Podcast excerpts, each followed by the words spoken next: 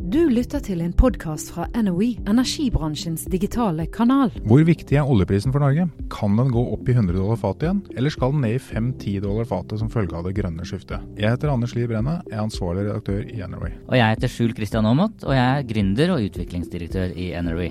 Energibransjens ukeslutt presenteres av NOE Communication Conference, en konferanse for kommunikasjonsfolk i energibransjen. Tidligere denne uken så var vi hos oljeselskapet Lundin og tok en prat med norgessjefen Kristin Færøvik for å høre hva hun mente om oljeprisen. Den er ekstremt viktig. Eh, inntektene fra denne næringen utgjør hver syvende krone i, i nasjonalbudsjettet. Ja, Det er kanskje ikke så rart at Færøvik eh, mener at oljeprisen er viktig. Hun er jo tross alt toppleder for et eh, oljeselskap. Ja, men Tallenes tale er jo egentlig klar. da. Eh, hver syvende krone fra, eh, i, i, nasjonalbudsjettet kommer fra olja. Det er mye. Ja, det er, det er store beløp og sånt. Det er farlig mye. Ja, det kan man kanskje si, men på den annen side så er vi også nå etablert et oljefond, eller pensjonsfondet utlandet, på 8000 milliarder kroner. Og en av de interessante tingene vi gjorde en liten artikkel på litt før jul, var jo at nå tjener faktisk Norge mer på inntektene fra renter og avkastning på oljefondet enn det vi gjør direkte fra oljebransjen. Hva mener du med det? Nei, Det er at eh, det at vi har investert oljefondet i alt fra aksjer til eiendom og til verdipapirer, gjør at vi tjener mer penger på den avkastningen fra oljefondet enn vi gjør fra oljebransjen direkte. Så når, når, man prater om hva vi skal leve av etter olja, så kan vi faktisk da begynne å prate om at vi skal leve av oljefondet etter olja? Ja, og dette her er jo helt i tråd med intensjonene. At næringen har bygd opp et oljefond som gjør at vi skal kunne klare våre pensjonsforpliktelser i fremtiden. Det som er interessant er at eh, det gir oss en unik posisjon for å klare å beholde velferdssamfunnet vårt. Men samtidig så er det jo nok av økonomer som har tatt noen regnestykker som sier at vet du hva, 8000 milliarder kroner det er vanvittig mye penger, men det er ikke nok. For vi har en utrolig velferdsstat, og hvis vi skal klare å finansiere den, så holder det ikke at vi bruker de 8000 milliardene og avkastningen her, vi må faktisk fylle på med penger. Og da er det først og fremst oljebransjen som fyller på. For uten oljebransjen så ville faktisk Norge gått i minus hvert eneste år. Og det som er litt interessant, er at eh, vi ser jo på oljeprisen. Og hvordan er? Nå for tiden er den relativt høy. Den ligger på sånn ca. 62-63 dollar fatet nå. Men den har vært høyere? Den har vært mye høyere? Ja, den har jo i år så har den faktisk vært over 70 dollar og vært oppe og toucha 71 dollar eh, fatet. Eh, historisk så er det egentlig ganske bra. Men vi ser jo tilbake med glede på tider da hvor det var eh, oljepris på over 100 dollar fatet, og da sopa jo Norge inn penger. Men da ble vi også litt slitne i armene, for vi bar jo så mye champagne. Ja, det kan man kanskje si. Noen gjorde det, jeg tror ikke jeg fikk med meg den biten. Men eh, jeg gjorde det. Eh, jeg har vel, som alle andre nordmenn, nytt godt av velferdsgodene takket være inntektene. Selv om ikke jeg har fått de direkte inntektene fra oljebransjen i egen lomme, så, så er jo jeg en medlem av det norske samfunnet. Og Nå husker jeg ikke helt hvor mye det er, men det er jo snakk om at vi har et millionbeløp for hver eneste nordmann i oljefondet, takket være oljebransjen og de inntektene som har kommet der. Men allikevel så vil jo nordmenn eh, fase ut olja, eller mange nordmenn ønsker jo eh, en styrt uh, utfasing av olja ganske kjapt? Ja, og det er gode rasjonelle argumenter for det. For det er ingen tvil om at olje, oljevirksomheten er forurensende. Så det er ingen tvil om at det er rasjonelle argumenter for å si at vi bør ikke være så avhengig av oljen i fremtiden. Samtidig så har vi dette dilemmaet med at uh, verden trenger mer energi, og dette er jo oljebransjens store argument. At ja, man har et miljømål, men man har også et energimål, og begge delene må forsøkes å nås. Og så er man jo uenige hvorvidt uh, det lar seg gjøre å si at vi fortsetter med oljen og allikevel klarer å nå målene i Parisavtalen, eller om vi er nødt til å rett og slett redusere og avvikle oljen. Så er det vel noen som mener at uh, ved å investere mer i olje, altså ved at uh, norske stat investerer mer i olje av våre sparepenger, uh, så tar man også mer risiko.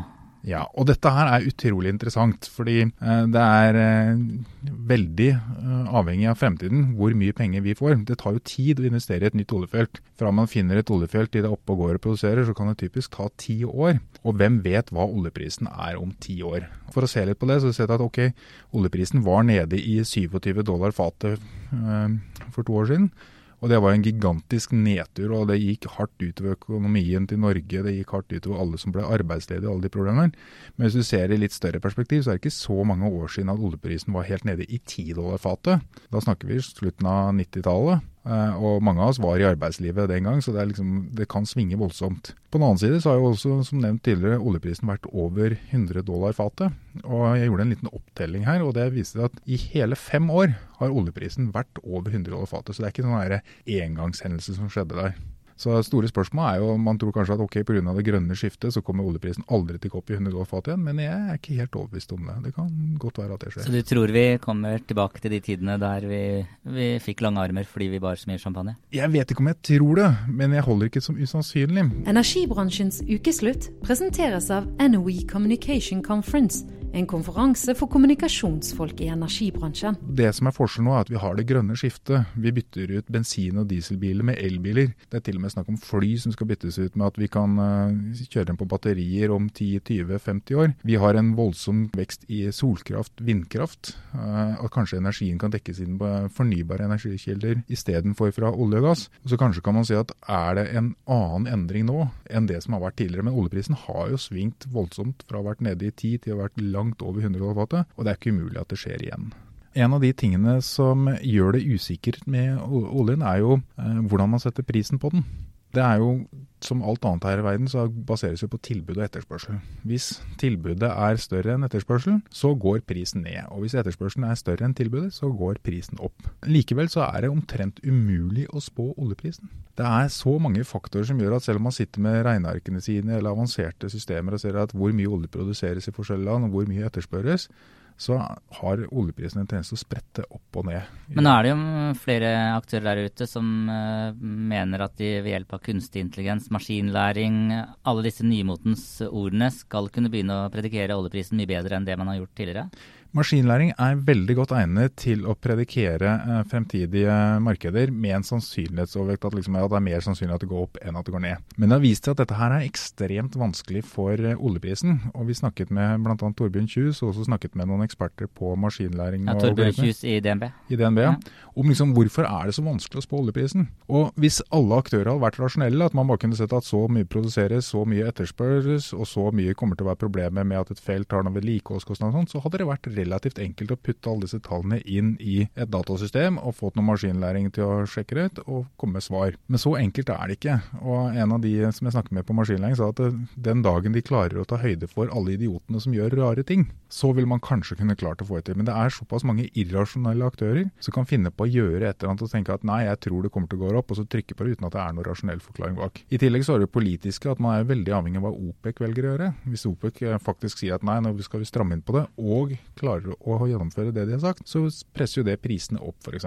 Men dette vet man jo aldri. Og så plutselig er det en konflikt et sted. Plutselig er det noen som ikke får eh, levert en, eh, et oljeskip, eller at det er noen rørledninger som ikke virker. Og det er utrolig mange faktorer som gjør det veldig vanskelig å, å vite liksom hvor oljeprisen vil gå. Men er det derfor eh, det norske folk bryr seg så lite om oljeprisen? Ja, Om det er fordi den er vanskelig eller ikke, vi tar den kanskje for gitt at den er der. Så lenge pengene kommer inn og vi ikke tenker over det, så er det veldig få som tenker jo, over det. Det er jo veldig stor, altså La oss si at du hele tiden eller hver dag selger kasser med jordbær. da, eh, Så er det jo veldig stor forskjell om eh, du får over 100 dollar for jordbærkassa eller under 20 dollar for jordbærkassa. Eh, det er jo penger som pøses inn i det norske velferdssamfunnet. Ja, men nå er det jo ingen av oss som står ute, utenfor garasjen vår med en tønne med olje og driver og selger det, eller driver vår egen bensinstasjon for den saks skyld. Så de færreste av oss har jo et forhold til det, og det er jo ikke rart i det hele tatt. Vi bare vet at det går masse penger inn, og tenker egentlig ikke noe særlig mer om det. Og det, det er faktisk ikke så rart. Men, men, vi burde jo kanskje tenke litt mer på konsekvensene eh, ved, eh, ved ikke lete etter mer olje? Eh. Ja, og det er en av de faktorene som går veldig inn på dette med etterspørsel. For nå har f.eks. oljeprisen gått opp igjen. Hvis den etterspørselen holder seg, den er jo satt opp til at den vil sannsynligvis øke, at verden vil trenge mer olje de nærmeste årene, ja, så forutsettes det da at man da kan produsere. Men tar du sånn som i Norge, så er det mangel på nye felt nå. Man sier at det er gode tider nå, og det kommer sikkert til å være gode tider i to-tre år. Men det er jo flere som har vært ute og advart om at uh, hvis ikke det finnes noen nye store funn snart, så kommer dette til å gå på en smell om noen få år for norsk oljebransje. Og da vil jo det også kunne påvirke kanskje oljeprisen. At hvis ikke Norge er det eneste landet, men flere land sier at oi, vi sliter med å finne nye felt, så vil plutselig produksjonen kunne gå ned, og da vil prisen kunne skyte i været. Da kan vi fort se en oljepris på over 100 dollar fatet igjen. Så da, da, er det litt som De Lillo sier, at festen er ikke over, det er kake igjen. Eh, eneste utfordringa er at vi er ikke med på festen? Ja, det kan du si. Hvis ikke vi finner nok olje, så får vi jo ikke solgt den. Altså, Vi kan ikke selge noe vi ikke har. Og så kan du si at det, det, vil jo produseres mye fra de feltene vi har i mange år fremover. Men hvis vi skal opprettholde det nivået og kunne selge mest mulig olje til høyest mulig pris, så må vi jo kunne klare å produsere. Da må vi finne nye felt. Og her er det jo eh, mange meninger om bl.a. Lofoten, Vesterålen og, og Senja, hvorvidt det har vært lurt å gjøre en konsekvensutredning eller ikke. Og Det er jo flertall på Stortinget for det, men uansett hvem som sitter i regjering, så er det som regel forhandlet eh, bort, slik at det ikke blir konsekvensutredning i denne stortingsperioden heller. Og jeg har egentlig litt vanskelig for å se for meg at det blir i neste også.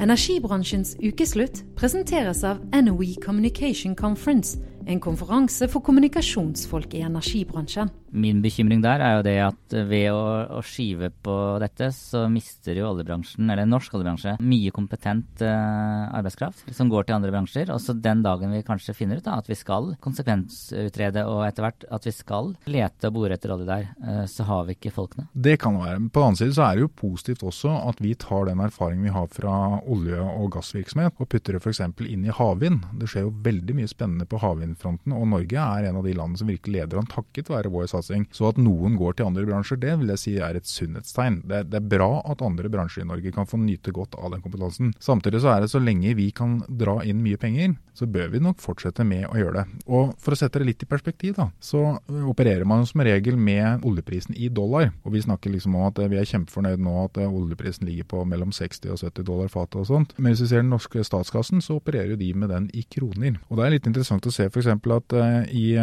år, 2018, så er det statsbudsjettet lagt til grunn at gjennomsnittsprisen for oljen kommer til å være på 438 kroner per fat. Hvis det går under det, så betyr det at da kommer det mindre penger inn enn man tror, og hvis det går over det, så kommer det mer. Så kronekursen har mye å si eh, for inntektene til norske stat også? Altså. Ja, dollarkursen, da, hvordan krona står opp mot dollaren. Og der ble vi jo faktisk reddet litt ved oljeprisnedturen, for da gikk jo krona ned samtidig, slik at da fikk vi mer enn vi kunne fått ellers. Og oljeprisen og dollarbiten spilte på samspill, så at ikke krisen ble like ille som den kunne ha blitt. Hvis du tar utgangspunktet, etter tallet med 438 kroner fatet, så sier Finansdepartementet at for hver tikrone prisen er over eller under det, så gir det sånn røftlig sett et utslag på 4,3 milliarder kroner for statens inntekter. Og Hvis du setter det da litt i perspektiv, så tok vi en liten titt på hva som var gjennomsnittsprisen i januar i år. Og da lå dollar, eller oljeprisen på litt mer enn den lå da. Den lå på 69 dollar fatet i snitt. Og det utgjorde 545 kroner per fat. Og Hvis det hadde vært den oljeprisen som holdt seg i snitt gjennom hele året, så ville faktisk den norske stat fått 46 milliarder kroner ekstra å rytte med. Altså penger som kunne vært puttet rett inn i oljefondet. Og 46 milliarder kroner, det er ganske mye penger. Det er Hva skulle vi bruke det til, da? Nei, Vi kunne nesten dobla forsvarsbudsjettet vårt. Eh, forsvarsbudsjettet vårt er på 55 milliarder. Så hvis oljeprisen holder seg på dette nivået her, så vil Norge generere vanvittige summer ekstra. Og så har det falt litt nå, siden oljeprisen så langt i februar er litt lavere. Men vi snakker fortsatt om at vi ligger an eh, til et sted mellom 35 og 40 milliarder mer enn det som staten har budsjettert for det. Så det er helt enorme eh, konsekvenser av dette her. Ja, jeg merker jo jo uh, i hvert fall et stemningsskifte i uh, det jeg pleier å kalle det norske folk. Da. Uh, at det, det, har vært noen år nå hvor man har vært veldig negativ til olja. Men nå merker jeg at folk begynner å bli litt mer positive til oljebransjen igjen. har det noe med oljeprisen å gjøre, tror du? Det er vanskelig å si. Det er kanskje lett å si at vi heier på oljen når vi soper inn penger derfra. Og så tenker vi kanskje at nei, nei, nå er det slutt på oljen, nå er det grønne skiftet, at nå må vi bare komme oss ut så fort som mulig. Jeg vet nok ikke om det er et stemningsskifte, men det, ting har jo en tendens til at når en pendel svinger, så svinger den for mye den ene veien, så svinger den gjerne tilbake. Hvis f.eks.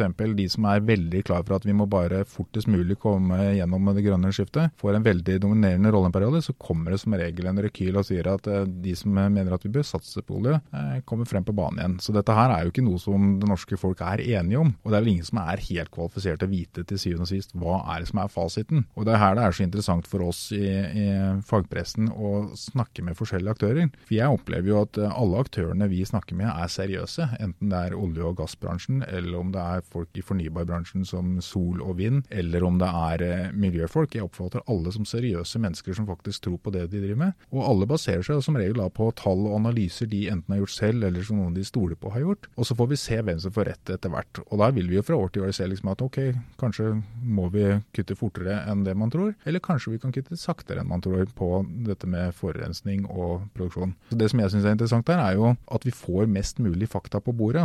Og så tror jeg aldri vi kan få en enighet i Norge om at alle sier at jo, her er det. Eh, vi kan få enighet om de store linjene. Vi har f.eks. enighet om at vi skal nå klimamålene. At vi skal følge Parisavtalens mål og gjøre det. og Der stiller oljebransjen seg også bak. Og så er man uenig om det, vi kan fortsette med oljen på den nivået vi gjør, og holde oss innenfor eller ikke. Og her vil vi etter hvert som vi går frem i tid, så vil vi nærme oss sannheten. og Da vil vi se hvem som har eh, basert seg på tall som stemmer. Og de som har basert seg på tall som viser seg ikke stemme, ja de blir nødt til å revurdere sitt standpunkt. Men det som i hvert fall er sikkert, er at en gang tar olja slutt. Vi må finne flere bein å stå på. Eh, så får vi vel se, da. Men der har vi tilbake til økonomen. og På lang sikt er vi alle døde. Vi må kunne forholde oss til at vi må ta noen beslutninger, selv om det ikke er på evighetsperspektiv. Vi vet jo ikke om olje- og gassbransjen er aktuelle den dagen vi går av med pensjon. Jeg tror det. Men jeg tør ikke å si at det er sikkert at vi burde gjøre det. Jeg syns det er veldig interessant å høre på faglig gode argumenter for at vi kanskje bør satse på fornybare eh, energikilder istedenfor. Men jeg